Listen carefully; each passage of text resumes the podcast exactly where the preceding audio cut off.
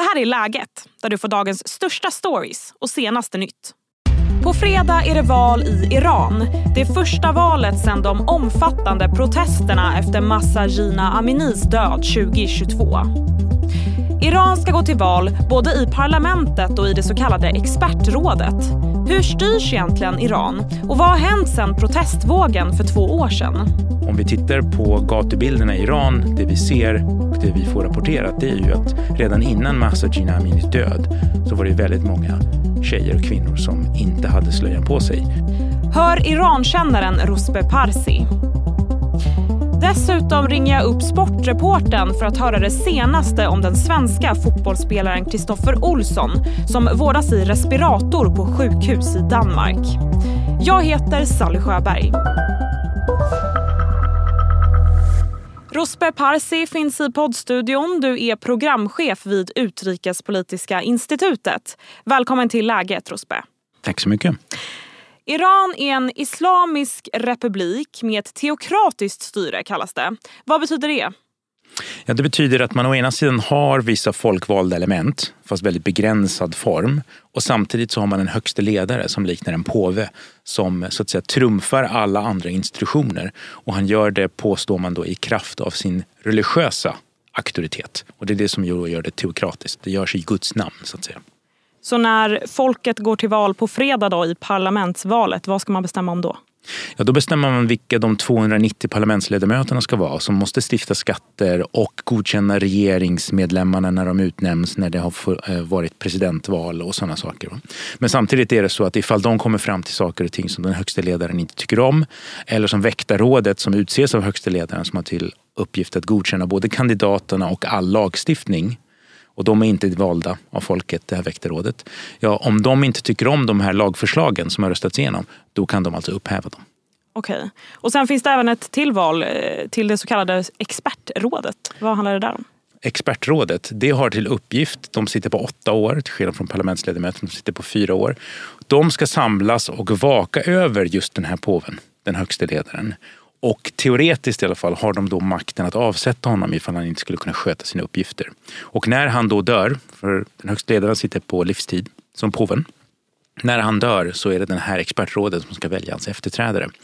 Och då är det så att säga fina i kråksången om man så vill, eller det märkliga, det är att det här har bara hänt en gång förut. Så det finns liksom ingen rutin för detta. Det hände bara en gång och det var 1989 när revolutionsledaren Khomeini dog och ersattes av han som sitter nu och har suttit alltså sedan 1989. Och vem är det för att påminna oss? Ali Khamenei heter han. Okej. Okay. Så om man ska förstå iransk politik då. Det låter ändå som att den högsta religiösa ledaren har mycket makt. Men inte all makt. Man kan säga att han är den högste ledaren som att han är den slutgiltiga ledaren. Eh, men för att saker ska fungera så måste han få alla de här, han måste valla alla de här katterna kan man säga som den politiska eliten består av. Så att även om de flesta just nu som får ställa upp, därför väktarrådet är extremt konservativt, är själva väldigt konservativa, så är de inte överens om särskilt mycket inbördes. Jag brukar jämföra dem med republikanerna i USA. Det vill säga de är jätteduktiga på att samla sig för att basha demokraterna. Men så fort de har makten så blir det kaos därför de är inte överens om hur man ska göra en budget, vad den ska bestå av, vad man ska ge pengar till och så vidare. Och det är samma sak med de konservativa i Iran. De är jättebra på att marginalisera och få bort alla sina konkurrenter i systemet. Men sen när de väl har makten så sitter de där och skapar kaos för de är inte överens om någonting i princip. Det låter stökigt. Det är väldigt stökigt och det är det som då bidrar till att den högste ledaren både har makt och samtidigt måste balansera. Han har makten för de är så dåliga på att sköta sig. Men samtidigt så går en hel del av hans tid då åt att försöka få de här att ändå samsas så att man får lite styrfart eh, på stats, statsapparaten. Eh, för i annat fall så blir det ännu mer kaos. 2022 så dog 22-åriga Massa Gina Amini efter att ha gripits av Irans moralpolis. Hon greps för att hon inte bar sin slöja korrekt och hennes död utlöste en våg av demonstrationer i landet. Women, life, freedom. The words chanted by Kurdish protesters after the death of Mahsa Jina Amini vi ska strax prata om vad som har hänt sedan dess och möjligheten för Iran att bli ett demokratiskt land. Men först blir det en kort nyhetsuppdatering. Begravningsceremonin för den ryska oppositionspolitikern Alexej Navalny kommer att genomföras i Moskva. Enligt Navalnys team så har det varit en utmaning att hitta en lokal för hans begravning där flera både privata och offentligt ägda begravningsbyråer sagt sig vara fullbokade. Vissa ska enligt uppgift exempelvis ha vägrat vara involverade om Navalnys namn nämndes i samband med begravningen. Navalnys begravning äger rum på fredag. Den brittiska artisten Adele ställer in flera planerade spelningar i Las Vegas och hänvisar till att hon är sjuk.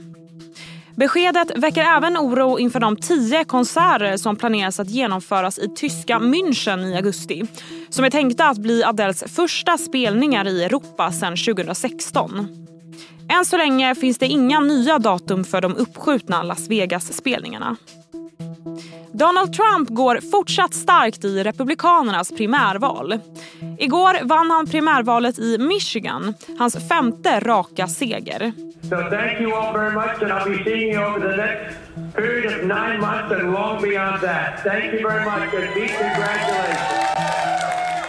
För ensamma utmanaren Nikki Haley blev valet ytterligare ett bakslag och nu sätter hon sitt hopp till den så kallade supertisdagen den 5 mars när 15 delstater går till primärval samma dag. Ser man till opinionssiffrorna verkar det däremot som att Trump kommer att vinna över Haley i primärvalen och bli Republikanernas presidentkandidat. Hej, Ulf Kristersson här. På många sätt är det en mörk tid vi lever i. Men nu tar vi ett stort steg för att göra Sverige till en tryggare och säkrare plats.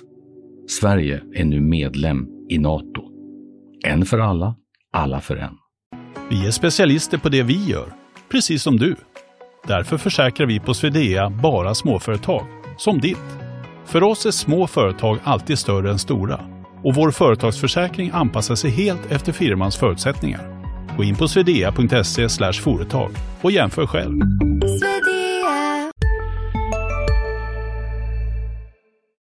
Tillbaka till dig, Ruspe Parsi, programchef vid Utrikespolitiska institutet och Irankännare. Vad har hänt efter Massa Jina Aminis död?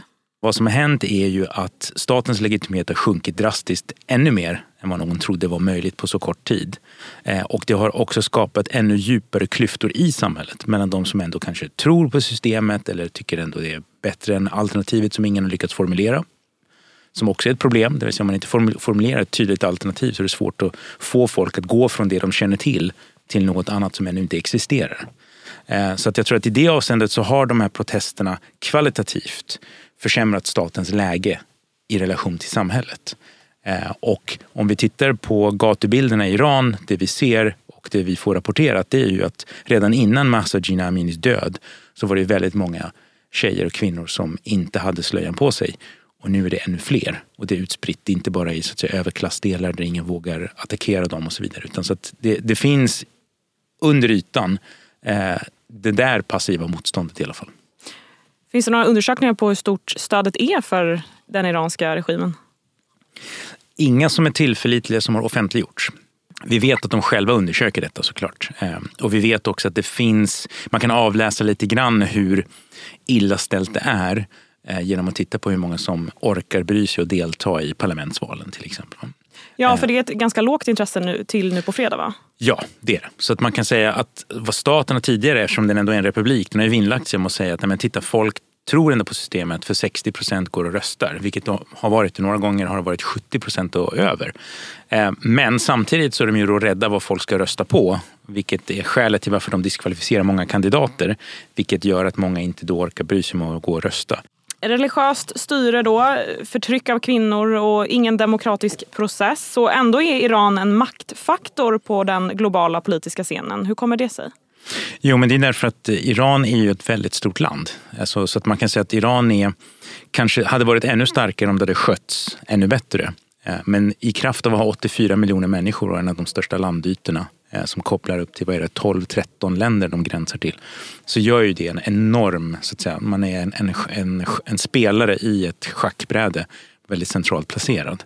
Sen har ju Iran då så att säga, i sin antagonism, alltså sina fiendeskapen som är institutionaliserade mot USA sedan 40 år tillbaka, då tvingats helt enkelt att försöka hitta sätt att kompensera för att man är mycket, mycket svagare än fienderna. Så att det, det, det, kan låta paradoxalt med tanke på hur tidningsrubrikerna ser ut, men poängen är att Iran skulle aldrig ha en chans i ett konventionellt krig mot vare sig USA eller Israel. Och då måste man hitta andra sätt att försöka avskräcka dem från att attackera en. Och den taktiken som man har byggt under flera årtionden det är just de här icke-statliga organisationerna i länder som Libanon, och Irak och Syrien och så vidare. Som man antingen är allierad med eller åtminstone har någon sorts relation till. Som kan agera som första, eh, första triggerlinjen inför ett sånt anfall. Nyligen så gick Säpo här i Sverige ut med att Iran var ett av de hoten som man ser mot Sverige.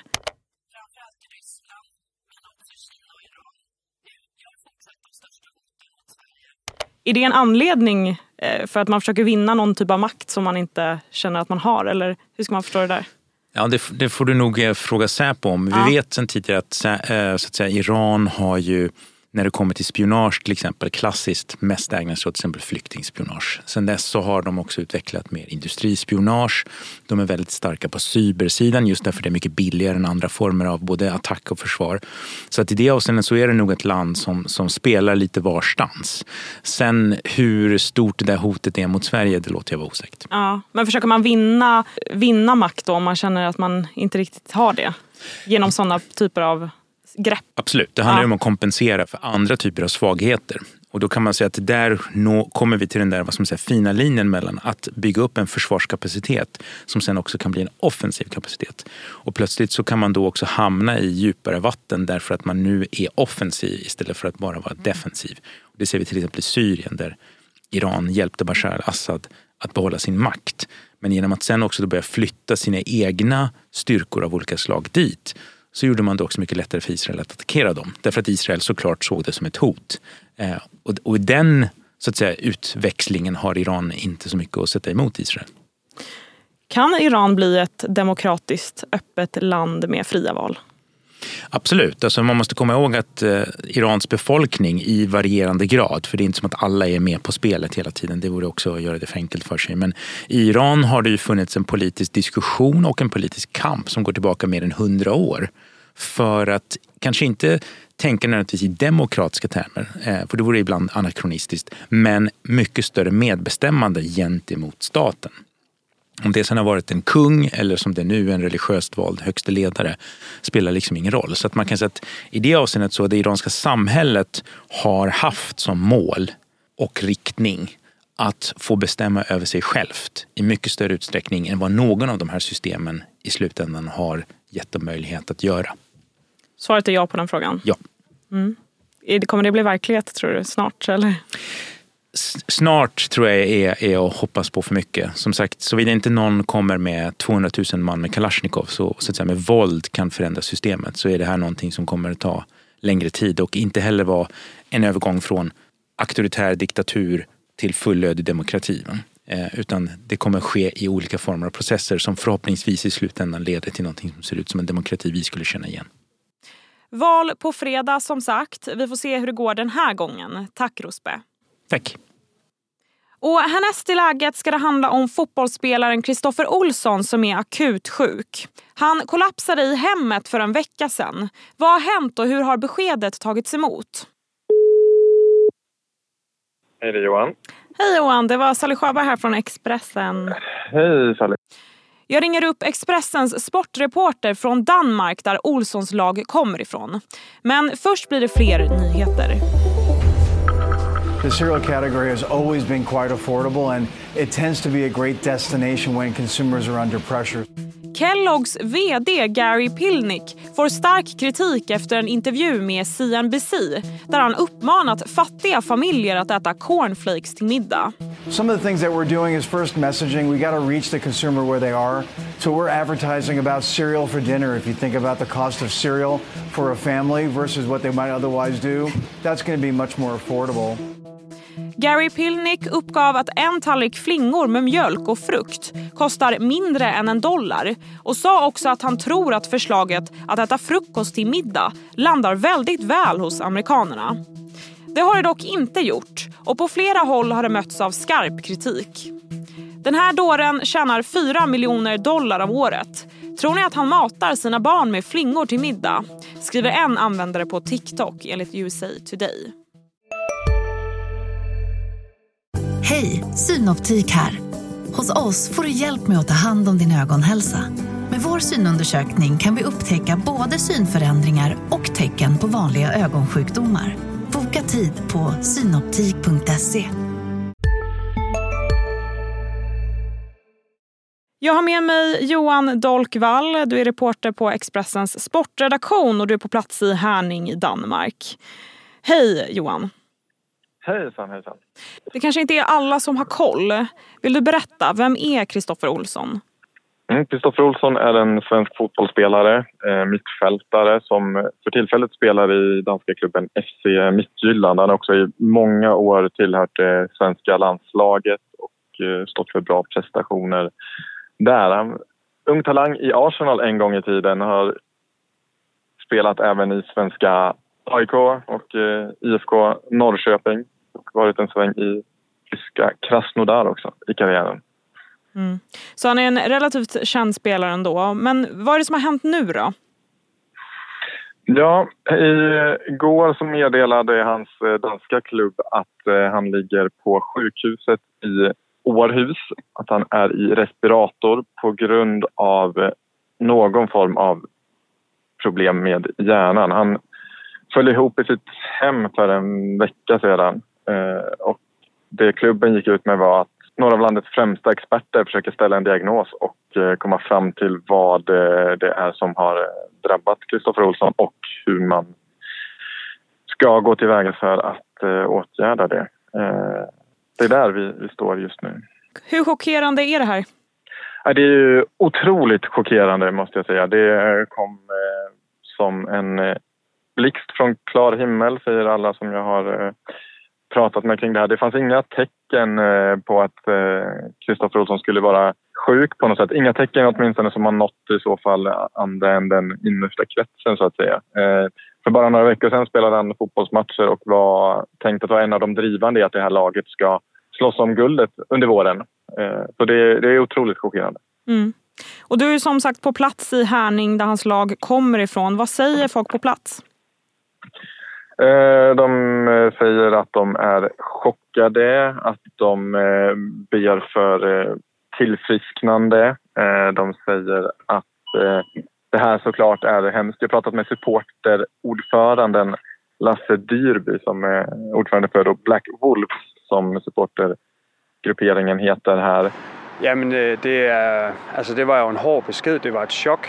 Ehm, det, altså det, det, det, det rører en, fordi selvfølgelig kender man ikke Kristoffer personligt, men som supporter, man, man følger med hver uge og ja, øh, ser, hvordan, øh, hvordan er som menneske, så man får jo stor sympati, og, og det er jo hårdt at høre, at sådan en som Kristoffer så ligger på sygehuset nu i, i respirator. Uh, han säger att eh, Kristoffer Olsson är en av de eh, populäraste spelarna i det här laget. Att det, det är en sån som supportrarna verkligen har tagit till sitt sina hjärtan. Eh, och därför gör det såklart extra ont för dem att, är, eh, att han eh, bevisligen inte var speciellt bra just nu. Tack så mycket Johan för att du var med i Läget.